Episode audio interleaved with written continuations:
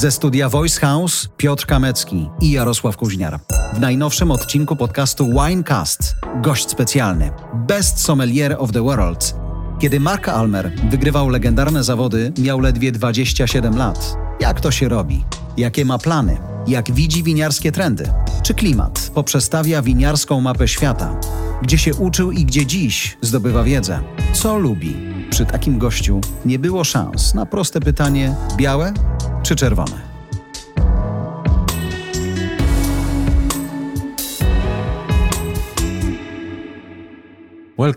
Witam, Mark. To dla mnie zaszczyt móc gościć Cię w moim podcaście. Świetnie Cię znów zobaczyć w Warszawie. Kilka tygodni temu jako nauczyciel brałeś udział w bootcampie dla sommelierów. Teraz będziesz także głosem nowych filmów Asi. Teraz jednak porozmawiamy o Twojej karierze i jej początkach. Dziękuję za zaproszenie. Świetnie znów być w Warszawie.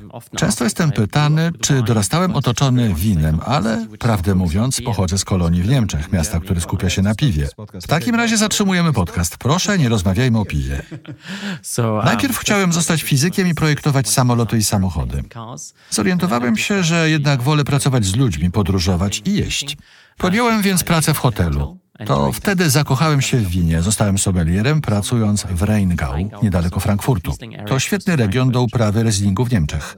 Czy to łatwa, czy trudna miłość? Z czasem stała się łatwiejsza. Jak zawsze, gdy pracujesz w gastronomii, musisz nauczyć się i akceptować, że pracujesz w godzinach, gdy inni się bawią. Boże Narodzenie też zazwyczaj oznacza pracę. Jednak rodzina, zespół, z którym pracujesz, jest niesamowity. To jest niebywale wzbogacające. Dodatkowo, wchodząc w świat wina, zostając sommelierem, dużo się podróżuje. Dzięki winu odwiedziłem Japonię, Australię, RPA, Kanadę, Dolinę Napa i wiele innych. Można poznać wspaniałych ludzi takich jak Piotr. Dziękuję. Można także dzielić pasję z kolegami z całego świata i to ułatwia tę najtrudniejszą część pracy. Tak jak powiedziałeś, trzeba dużo podróżować. Myślałem, że powiesz, że trzeba dużo pić. Niestety więcej jest plucia niż picia. Pijąc dużo wina, na przykład kiedy przygotowywałem się do zawodów na najlepszego sommeliera świata, degustowałem około 200 win, 50 piw i 30 mocnych alkoholi każdego tygodnia. Gdybym je wypił, to pewnie nie siedziałbym teraz tutaj. Owszem, czasami wypija się lampkę wina wieczorem, ale zazwyczaj to raczej degustacja analityczna niż picie. Wyobrażasz sobie każdego tygodnia degustować tyle win? Tak. Przyglądać się i smakować, ale nie pić. Brzmi łatwo. Jeśli spytasz naszych kolegów, klientów o to, co myślą o danym sommelierze, oni nie mają pojęcia, co tak naprawdę kryje się za tym wszystkim. Historia Marka to przede wszystkim umiejętność łykania ogromnej ilości informacji. Następnie to wiedza, by nie łykać wielkich ilości wina, by je wypluwać, ale także smakować i zapamiętać. Mark, ile masz lat? Teraz 30. Biorąc udział w zawodach miałem 27. Dla naszej społeczności sommelierów Mark jest świetnym przykładem człowieka z wielką pasją, pochodzącego z innego świata, któremu się udało. Jest naprawdę ciekawym przypadkiem. Moi koledzy ze stowarzyszenia tu w Polsce uwielbiają kroczyć Twoimi śladami. To, czego dokonałeś, jest świetne dla Ciebie, ale i dla nas, dla ludzi młodszych od Ciebie. Oni naprawdę chcą przejść po tej ścieżce, co Ty. Jesteś naszą gwiazdą. Co kryje się za tytułem najlepszego sommeliera? Wiedza? Pasja? Najpierw spójrzmy na to, jak ułożone są mistrzostwa. Zawody czy testy na sommelierów zazwyczaj składają się z trzech elementów. Pierwszym jest degustacja. Poza winem degustuje się piwa, sake czy napoje spirytusowe. Dostajesz lampkę i musisz dokładnie opisać szczep winogrona, pochodzenie, rocznik. Należy określić, czy warto zachować wino na dłużej, czy wolelibyśmy wypić je teraz oraz jakie jedzenie by do niego pasowało. Drugi element to ten, do którego przygotowania zajmują najdłużej, czyli teoria. Więc cała wiedza o winogronach, winach, pochodzeniach, sławnych winach i innych rzeczach, które spożywa się w restauracjach. Mieliśmy więc pytania na temat cygar, serów, herbat, kaw, wszystko, co można spożyć. Trzecia, najfajniejsza część to to, co robimy codziennie, będąc w restauracji, czyli otwieranie win musujących czy przelewanie win. Z biegiem czasu staje się coraz trudniejsze, ponieważ na uczestników czyha coraz więcej pułapek. Ostatni etap to zazwyczaj duża scena. Byliśmy w teatrze z ponad tysiącem osób. Poprzednimi najlepszymi sommelierami świata, Jancis Robinson, oceniającą cię z notatnikiem, odejmując punkty za każdą popełnioną pomyłkę. Największym wyzwaniem jest wtedy utrzymanie nerwów na wodze. Codziennie otwieram butelkę wina, ale zazwyczaj obserwuje mnie dwójka, trójka gości. Wymaga to dużo przygotowania mentalnego. Między poprzednim i dzisiejszym odcinkiem podcastu rozmawialiśmy z Piotrem i naszym poprzednim gościem o pewnych zawodach, gdzie stoi się na scenie. 10 tysięcy ludzi patrzy bezpośrednio na ciebie w twarz, świecą ci światła. Ciężko się tym nie denerwować i zostać zwycięzcą.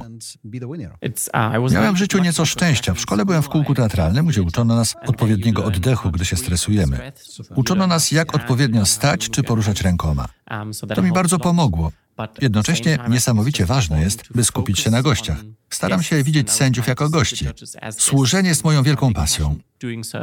Nieco jak w skokach narciarskich. Odległość ma znaczenie, ale są także inne kryteria. Właśnie. Skoki są istotnym tematem. Rozmawiałem z wieloma ludźmi, którzy przygotowywali się do olimpiady. Trenują przez 4 lata, ale ich skok trwa 20 czy 40 sekund. To duże obciążenie psychiczne. Patrząc, jak radzą sobie z nim sportowcy, można wykorzystać to w przygotowaniach do zawodów czy egzaminów.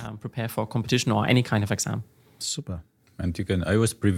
Ja miałem ten przywilej widzieć, jak Mark na scenie pokazywał, co potrafi. Um, Lubię tam być, bo od czasu do czasu widać żywy talent, jeżeli mogę tak to ująć. Niektórzy mogą posiadać większą wiedzę, są w stanie przyjąć więcej informacji, ale na scenie, by stać się najlepszym, trzeba być trochę showmanem. Trzeba mieć coś, co trudno mi nazwać. Jakieś 10-12 lat temu widziałem sommeliera, który miał ogromną wiedzę. Był z Niemiec albo z Austrii. Wiedział wszystko, ale gdy wszedł na scenę, zobaczyłem, że on nie może wygrać. On zawsze będzie trzeci albo drugi, bo zawsze będzie jakiś młody Mark albo inny Salvatore, były mistrz Europy. On po prostu wyszedł na scenę i tak jak ty, zrobił swoje z uśmiechem na twarzy. Świetnie się to oglądało. Trzeba umieć bawić się sytuacją z publicznością. I w ogóle w świadku wina myśli się o nim jak o czymś elitarnym. Ci, którzy wiedzą dużo na temat wina, spędzili wiele czasu upewniając się, że innym ciężko będzie wkroczyć do tego świadka. To się musi zmienić.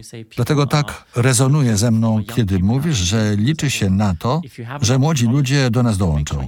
Jeśli masz ogromną wiedzę, uważam, że powinieneś się nią dzielić, a nie trzymać się w wieży z kości słoniowej. Powinieneś też nauczyć się rozmawiać z różnymi ludźmi. Niektórzy mogą już wiedzieć sporo na temat wina, ale inni być może piją swoją pierwszą lampkę. To ogromna szansa. Powinniśmy upewnić się, że wypiją i drugą, a nie przejdą do piwa czy herbaty. Jest więc istotne, żebyśmy mogli używać tej wiedzy w większej, bardziej inkluzywnej społeczności, pomagając ludziom się uczyć. Piotr i ja pracujemy dla ASI, czyli Międzynarodowego Stowarzyszenia Sommelierów, które obecne jest teraz w 60 krajach na całym świecie. Stowarzyszenie Sommelierów Niemieckich, z którym pracuję, istnieje od ponad 40 lat, ale w krajach takich jak Zimbabwe stowarzyszenia dopiero co powstały. Uważam to za ważne, by dzielić się wiedzą i doświadczeniem ze wszystkimi, by każdy miał taką samą szansę na wejście głębiej w świat wina. Co w świecie wina lub jego orbicie sprawia, że opowiadasz historię? W czasach pracy w Rheingau mój pierwszy sommelier mawiał: Sprzedaż wina, historia zaczyna. Zawsze postrzegam nas jako ambasadorów producentów wina. W końcu niektórzy goście może i byli, na przykład w Bordeaux, ale inni niekoniecznie. To do nas należy opowiedzieć o filozofii danego producenta, o architekturze, geografii. Próbujemy ich jedną lampką wyprawić w podróż.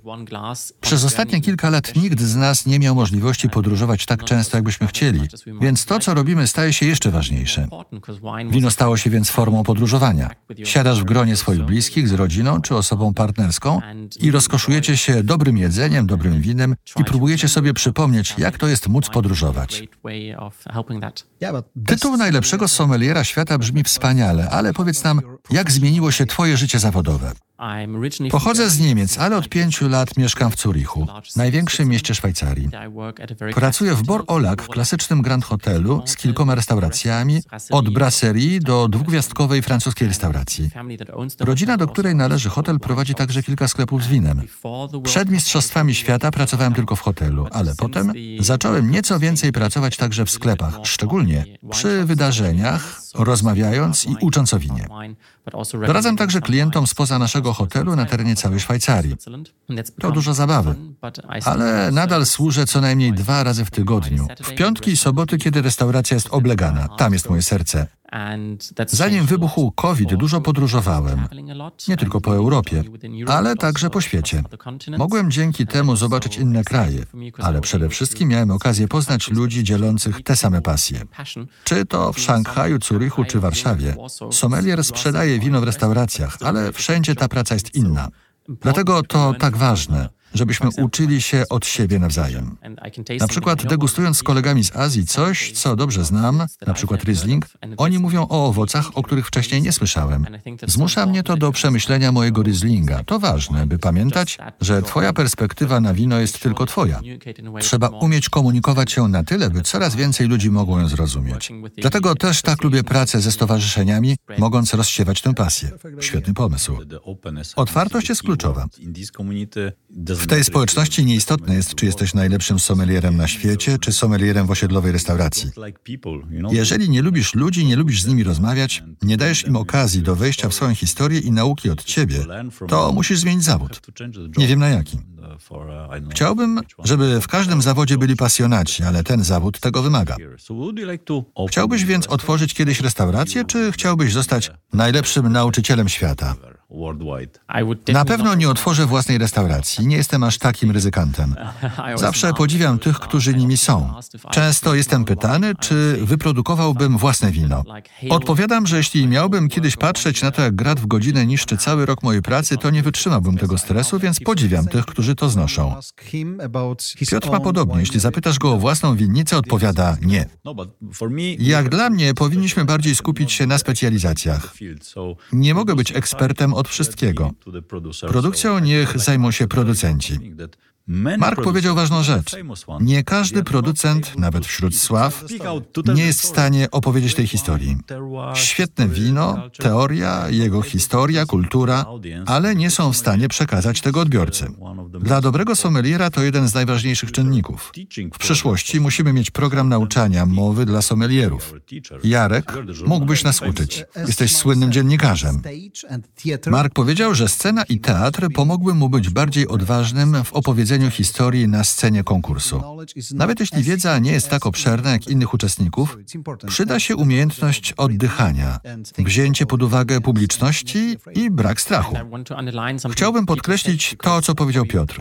Prawdopodobnie największym sommelierem, jakiego mieliśmy, był Gérard Basset, mistrz sommelier, mistrz winy, najlepszy sommelier świata. Niestety spędziłem z nim tylko chwilę, ale co mnie ujęło, to to, że ktokolwiek wspominał Gerarda, mówił najpierw nie o jego wiedzy, a o tym, jak był skromny, jak bardzo pomagał ludziom. Sądzę, że ważnym jest, by zrozumieć, że nawet jeżeli dotrzesz na najwyższy szczebel w naszej profesji, pokora i empatia są niezbędne. Coś, co każdy młody sommelier powinien pamiętać podczas szkoleń, konkursów czy pracy w restauracji, to zawsze myśleć o współpracownikach, jak można pomóc im się polepszać, jak dostarczyć wspaniałych doznań gościom, klientom w sklepie czy nawet na social media.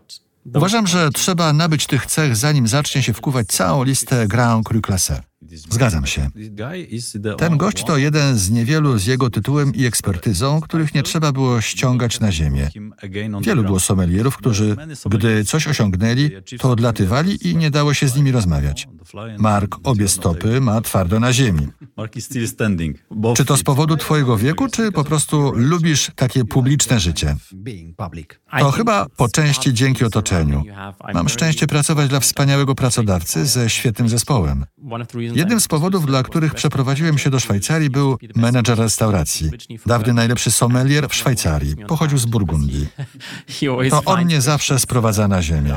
Znajduje pytania, na które nie znam odpowiedzi, a potem podpuszczamy się nawzajem. Lubimy się przekomarzać, ale to świetny sommelier i jeszcze lepszy przyjaciel. Uwielbiamy razem pracować. Z moją dziewczyną też jestem już długo. Uważam, że stabilne otoczenie jest kluczowe, by móc osiągnąć coś poza swoim najbliższym otoczeniem. Bez wspierających cię ludzi i pomocy z zewnątrz, przykład ze strony Stowarzyszenia Sommelierów Niemieckich, to nie będzie możliwe. Jeśli dokonasz tego z czyjąś pomocą, na zawsze będziesz pamiętał, że było ci dane zajść tak daleko dzięki innym ludziom. Będziesz gotów pomagać innym dopiero, kiedy to pojmiesz. Zdecydowanie. Wiecie, w Polsce organizujemy zawody sommelierów.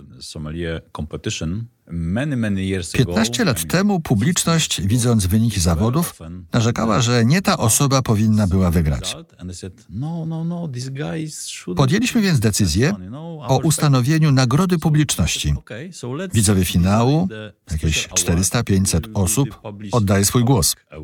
Coraz częściej mamy to szczęście, że nasze wybory się zgadzają. Nie organizowaliśmy jej w roku, w którym wygrałeś w Antwerpii. Uh, Ale sądzę, że powinieneś był zdobyć dwie nagrody. Publiczności i jury. To bardzo istotne. W końcu służymy ludziom i to oni nas oceniają. Jury chodzi z teczkami itd. Podobnie jest w muzycznych talent shows. Jeden głos jest publiczności, jeden widzów, jeden jury. Zapraszamy do decydowania, kto zostanie zwycięzcą, a potem okaże się, że każda z grup wybrała kogo innego. Ale który kraj wina jest Twoim ulubionym? Piotr wspomniał o specjalizacji. Jeśli chodzi o wina, pracuję głównie z tak zwanymi winami niemieckojęzycznymi, a więc moje rodzinne Niemcy, Austria, szczególnie ze względu na rozwój win musujących, który miał tam miejsce w ciągu ostatnich lat, a także Szwajcaria, gdzie teraz żyję. Niewielu ludzi wie, że Szwajcarzy, którzy robią zegarki, sery i czekoladę, robią także świetne wina i pieniądze. Pieniądze po prostu przyjmujemy, to co innego. Um, Szwajcarskie wino pije się w Szwajcarii. To coś niesamowitego. Są też bardziej przystępne cenowo w porównaniu do wielkich win burgundzkich. Pinot ze Szwajcarii są droższe od innych, ale nie tak drogie jak te z Burgundii. Piękno bycia sommelierem, szczególnie takim, który ma możliwość podróży i poznawania wielu kolegów, polega na tym, że ciągle degustuje się nowe rzeczy. Podczas jednej z podróży do Nowej Zelandii wszyscy mówili o Marlborough, Sauvignon Blanc. To świetne wino, ale Nowa Zelandia oferuje tyle więcej. Na przykład wina czerwone, których tutaj nie widujemy, Pinot Gris czy Albarino, o których nawet by się nie pomyśleli. W byciu sommelierem miłe jest to, że twoje ulubione wino czy kraj wina ciągle się zmienia. Zawsze powstanie nowe danie, jesteś w innym nastroju, jesteś w nowej grupie kolegów i to wszystko trzyma cię w gotowości. Wczoraj piliśmy Greener Wettliner z Kalifornii. Greener Wettliner z Kalifornii, jak smakował? Wraz z Markiem wybrałbym raczej coś z Austrii, ale było ciekawie. Czy smakował jak te z Niemiec, czy Austrii? Dało się wyczuć osobliwy smak Grünera, ale powiedziałbym, że było mocno dojrzałe. Ja odczułem też sporo kwasowości, ale to moje osobiste odczucia. Mark, wspomniałeś, że w Austrii to typowe, szczególnie ostatnio, żeby produkować wina musujące. Czy darzysz takie wina miłością? Niemcy są mistrzami świata, jeśli chodzi o picie win musujących. W kategoriach ilości nie ma drugiego kraju na świecie, który ich tyle wypija. Jesteś więc zobowiązany. Ludzie się dziwią, kiedy trafiają do niemieckiego hotelu z czterema czy pięcioma gwiazdkami i na śniadanie serwują wino musujące. To coś, co robimy regularnie, szczególnie w weekendy. Owszem, kocham wino musujące. Zawsze mam jakieś w lodówce. Na pewno mam w niej zawsze dwie rzeczy, butelkę Rieslinga i butelkę wina musującego. To może być szampan, ale może to być cokolwiek innego. Sądzę, że Austria i Niemcy z nowymi regulacjami dotyczącymi sektu stały się fascynujące. Jednak są inne regiony, których nie widujemy często, które też ekscytują, jak Tasmania czy Carneros w Kalifornii. Powstaje ogrom wspaniałych win musujących. Lubię zaskakiwać moich gości, na przykład angielskim winem musującym. Anglia to królestwo win musujących. W Polsce nie jest dostępne, ale produkuje je wiele winnic. Nawet nie są zbyt drogie. Tak, kosztują prawie tyle samo co szampan. W Austrii czy Niemczech Francia Corta czy kawa są bardziej przystępne cenowo, ale angielskie wina musujące są ciągle całkiem drogie i Brexit nie pomógł. Mam nadzieję, że ten podcast otworzy wiele oczu i podniebień w Polsce i ludzie będą spragnieni próbowania nowych win. Myślę, że to, co robimy, jest dobre. Sądzę, że to, co jest interesujące w świecie wina, to to, że jak inne rzeczy, ten świat też pracuje w cyklach. Kraje tak jak RPA, które jest najstarszym producentem wina poza Europą, w Europie zaś Grecja czy Portugalia, Rumunia czy Gruzja, to kraje z długą historią produkcji wina, ale nigdy ich nie obserwowaliśmy. Teraz, gdy ten świat się zbliża do siebie, widzimy tych win więcej i więcej ich degustujemy. Robiliśmy to od 3000 lat, ale o tym zapomnieliśmy. To fascynujące, obserwować cykle i historie odgrywające rolę w kształtowaniu naszych podniebień. A co sądzisz o winach z Gruzji czy Rumunii? Lubisz je? Sądzę, że są interesujące w zależności od jedzenia, szczególnie patrząc na wina pomarańczowe czy wina kwewri, robione w amforach. Mają one sporo tanin, prawie jak wina czerwone. To działa naprawdę dobrze przy tak zwanej kuchni niegrzecznej, czy kuchni opartej na warzywach. Ale sądzę, że w kuchni w naszym stylu, w naszej bardziej klasycznej restauracji francuskiej, z jej sosem maślanym, te wina byłyby wyzwaniem i pewnie lepiej byłoby wybrać jakieś klasyczne wino burgundzkie albo chardonnay z Gryzonii.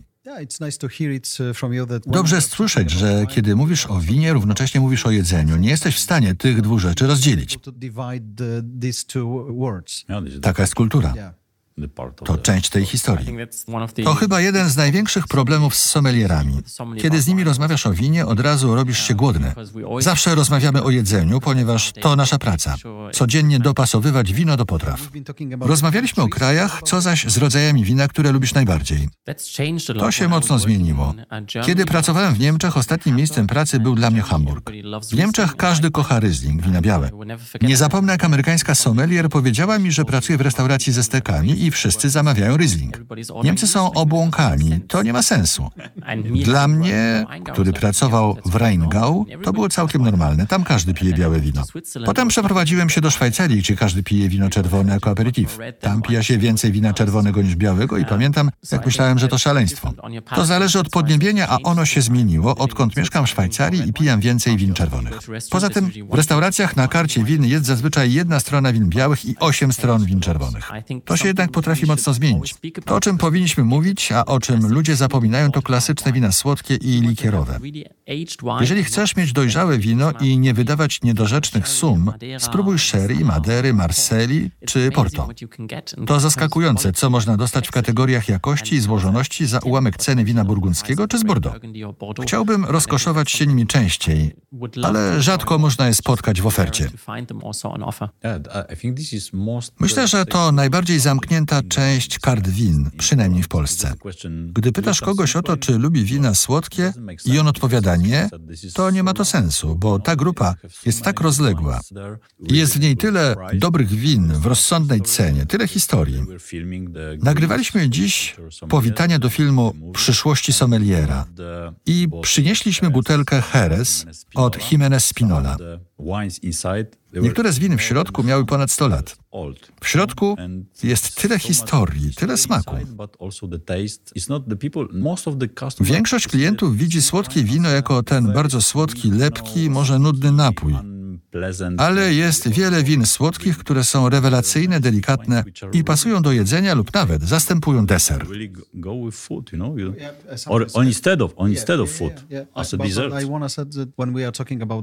Mówiąc o słodkim winie i dobrym jedzeniu, czasami taka kombinacja może być odpowiednia. Są na to sposoby. Zaoferuj ser. Z klasyczną deską seru wina słodkie lub wzmacniane często będą lepszym wyborem niż wina wytrawne. Czy możesz powiedzieć coś o zmianach klimatu? Myślisz, że będą one miały wpływ na rynek wina? Zdecydowanie. Kiedy zaczynałem jako sommelier, ludzie nawet nie myśleli o czerwonym winie niemieckim czy o naszej wielkiej tradycji wyrabiania Pinot. Tak samo jak tu w Polsce. Teraz jednak wytwarzamy także świetne Cabernet czy Shiraz, a to za sprawą cieplejszego klimatu. Minusem jest to, że regiony bardziej na południu mają wielkie problemy w tworzeniu zbalansowanego wina. Nawet niektóre pomerole przez pewien okres były na poziomie 16%. Teraz zaprezentowano nowe winogrona, by przygotować się na przyszłość. Myślę, że zobaczymy to w większej ilości regionów. Sherry także pozwoliło nowym gronom pomóc w produkcji. Sądzę więc, że zobaczymy zmiany w doborze winogron. Więcej regionów dopuści więcej winogron, by móc się zaadaptować. Już widać zmiany w uprawie winorośli. Najlepszym przykładem jest Ameryka Południowa, gdzie ludzie hodują winorośl coraz wyżej w Andach chilijskich i argentyńskich. Zobaczymy także nowe regiony winiarskie. Rozmawialiśmy już o Wielkiej Brytanii, ale na przykład mój ojciec mieszka niedaleko Berlina i niedaleko jego mieszkanie jest winnica, gdzie co roku produkują wino. Zauważamy także wina z Danii. Myślę, że pojawi się wiele nowych regionów i będzie trzeba nauczyć się wina od nowa. Wina norweskie, islandzkie i grenlandzkie. Brzmi niedorzecznie. Nie potrafię sobie wyobrazić wina z Grenlandii. Nie powinieneś próbować. Jeśli na Grenlandii będzie rosła winorośl, ziemia cała pokryta będzie wodą. Wracając do Polski, co wiesz o polskich winach? Niestety poza Polską nie widać ich zbyt często. Ostatniego lata, będąc w Warszawie po raz pierwszy, dzięki Piotrowi i Stowarzyszeniu Sommelierów Polskich, mieliśmy okazję degustować kilka win. Białe były wyjątkowo interesujące, ponieważ były bardzo aromatyczne. W czerwonych czuć, że prawdopodobnie jest to kraj, gdzie nie każda pora roku jest wystarczająco ciepła, by wina osiągnęły swój potencjał. Myślę, że to będzie ciekawe obserwować, jak rozwijają się winnice i jak dojrzewa ich winorośl.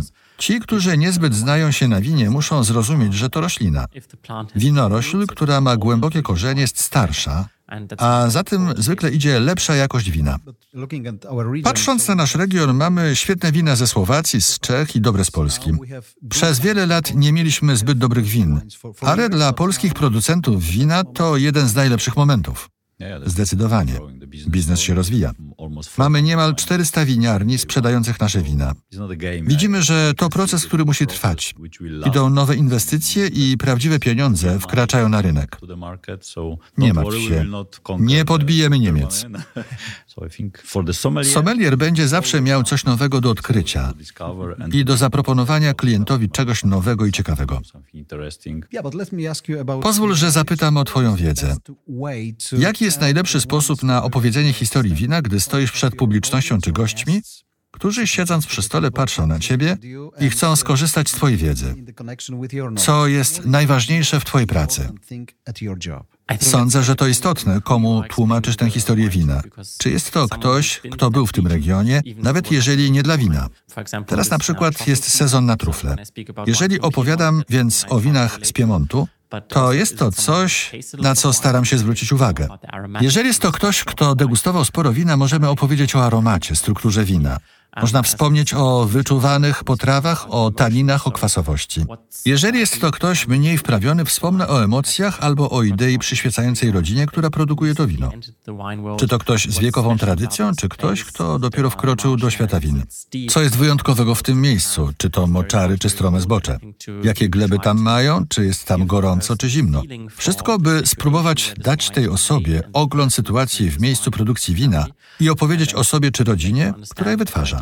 Następnie staram się, żeby zrozumieli zamysł tego wina, a potem odnieść go do tego, co faktycznie mają w lamce. Na przykład, jeśli to zimny region, to prawdopodobnie wyczujesz inne owoce niż w winie z bardzo gorącego regionu, które będzie bardziej dżemowe. To jest coś, co można próbować komuś wyjaśnić. Jak długo trwa Twój występ przed publicznością? Dwie, trzy, pięć minut?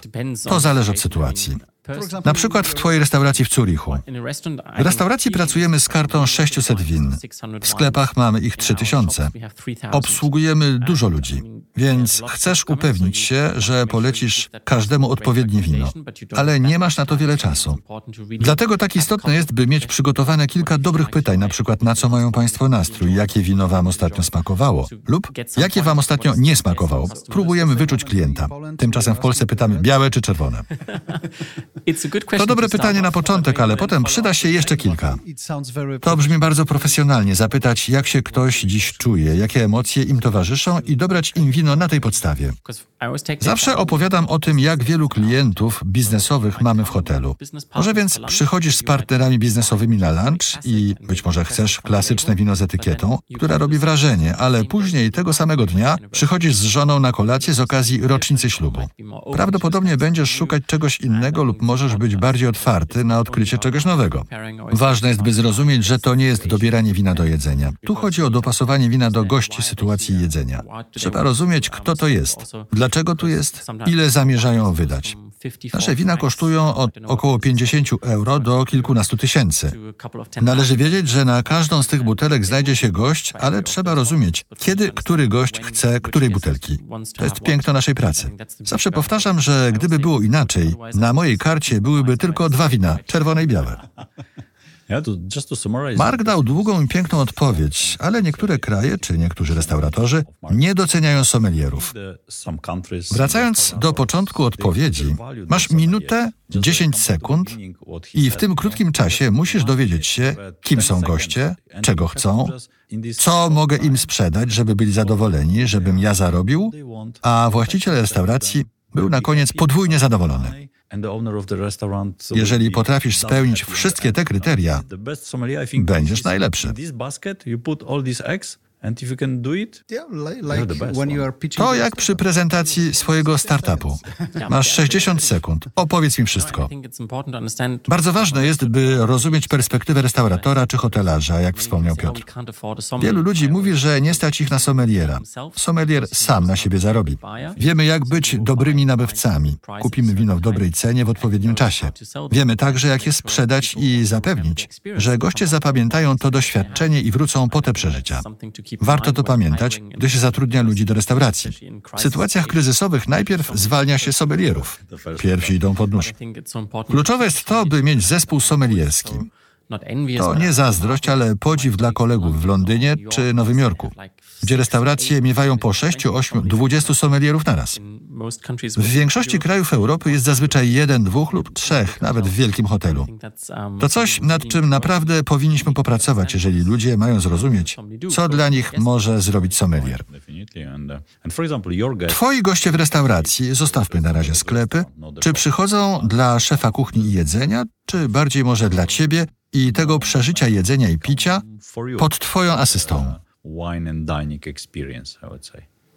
Sądzę, że bywa różnie. Każda porządna restauracja zapewni wysoki poziom na wielu płaszczyznach. Świetne jedzenie, rewelacyjne wino, wspaniałe miejsce i całokształt przeżycia. Borolak to piękne miejsce. Rodzina ciągle reinwestuje. Mamy wspaniałe dzieła sztuki. Jesteśmy położeni nad pięknym jeziorem curychskim, więc ludzie przybywają między innymi dla miejsca. Mamy wspaniałego szefa kuchni, który jest z nami od 20 lat, Laurent Epron. Jego kuchnia to bardzo klasyczny styl gotowania no i nasza karta win, którą przygotowują sommelierzy pasjonaci. Jeden z nich, menedżer restauracji, przychodzi i swoim francuskim akcentem opowiada o swoim domu w Burgundii i poleca Grand Cru do twojego sosu maślanego. Ogólne doznania będą świetne, wino będzie niesamowite. Tak samo urok sommeliera i jedzenie. Sądzę, że to mieszanka wszystkiego działa tak dobrze. Mamy dużo gości, którzy przychodzą na degustację, szczególnie w weekendy, kiedy wychodzą na kolacje urodzinowe czy weselne.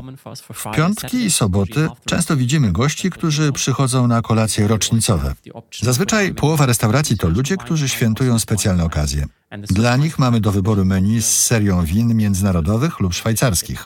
Opcja szwajcarska jest szczególnie popularna pośród ludzi, którzy nie mieszkają w Szwajcarii, bo nie mają okazji skosztować tych win. Przypomniałeś mi coś odnośnie waszego hotelu. To jedyne miejsce w Szwajcarii, które może odebrać gościa limuzyną prosto z samolotu. Wspaniale. Zapamiętam to. Dla mnie jest jasne, co wybiorę przy każdej podróży do Szwajcarii. Na koniec pozwólcie, że zapytam o trendy na rynku win. Jakie dostrzegacie? Jedną rzeczą, o której wspomniałeś, nie jest to trend, ale kluczowa sprawa, nie tylko dla przemysłu winiarskiego, to zmiany klimatyczne i ich znaczenie dla nas. Kolejną sprawą jest Think Pink, które od lat rośnie w siłę. Chodzi o wino i szampan rosé czy rosé musujące. W zeszłym roku pojawiło się nawet Prosecco rosé. Podobnie jest z Porto. Smakowałem różowe Porto, będąc w Porto i było idealne. To świetny przykład doświadczenia, bo jest ono niesamowite, kiedy siedzisz nad Duero. Um, to będzie duży trend. Widzimy jeszcze większą zmianę, jeśli chodzi o popyt na wina organiczne i biodynamiczne, które były mocno promowane szczególnie przez ostatnie dwa lata. Uważam, że to świetna sprawa, ponieważ to odpowiedź na zmiany klimatu. Sądzę też, że świadomość zawartości alkoholu także wzrosła. Na przykład w pewnych częściach Niemiec ciągle można spotkać ludzi, którzy podają 250 ml jako lampkę wina, co ja uważam za dużo. Dzisiaj jednak obserwuje się winiarnie, które podają jedną 16 litra. Coraz więcej gości pyta o selekcję pół butelek win. Zauważamy też świetne parowanie z napojami bezalkoholowymi, winami, sokami czy nawet octami. Sądzę, że warto, by sommelierzy pamiętali o tym. Podajemy świetny produkt, ale w końcu jest to częściowo narkotyk. Musimy być tego świadomi. Napijmy się więc świetnego wina do naszej potrawy, ale uważajmy na ilość i pamiętajmy o alternatywach. Szczególnie jeśli restauracja nie mieści się w centrum miasta, a goście muszą z niej gdzieś dojechać. Wtedy sparowanie z napojem bezalkoholowym otwiera sommelierom wielkie morze możliwości. Ocean możliwości. Bardzo Wam dziękuję za dyskusję na łamach podcastu i za przybycie. Mark, gratulacje i dziękuję. Dziękuję bardzo za zaproszenie. Dziękuję, Mark. Dziękuję, Jarku. Dziękujemy za Twoją uwagę. Jeżeli jeszcze nie subskrybujesz naszej audycji, zrób to na Apple Podcast czy Spotify. Dzięki temu nie przegapisz najnowszego odcinka i pomożesz nam wspinać się na listach podcastowych przebojów. Twoja opinia zostawiona na Apple Podcast pozwala usłyszeć tę audycję większej grupie ludzi. Podobnie ze Spotify. Odpowiedz na pytanie, które tam stawiamy i zachęć do tego innych. Fajnie, kiedy polecisz naszą audycję znajomym. Podaj im link, niech dołączą. Zapraszam też na stronę Voice House po więcej dobrej treści. much.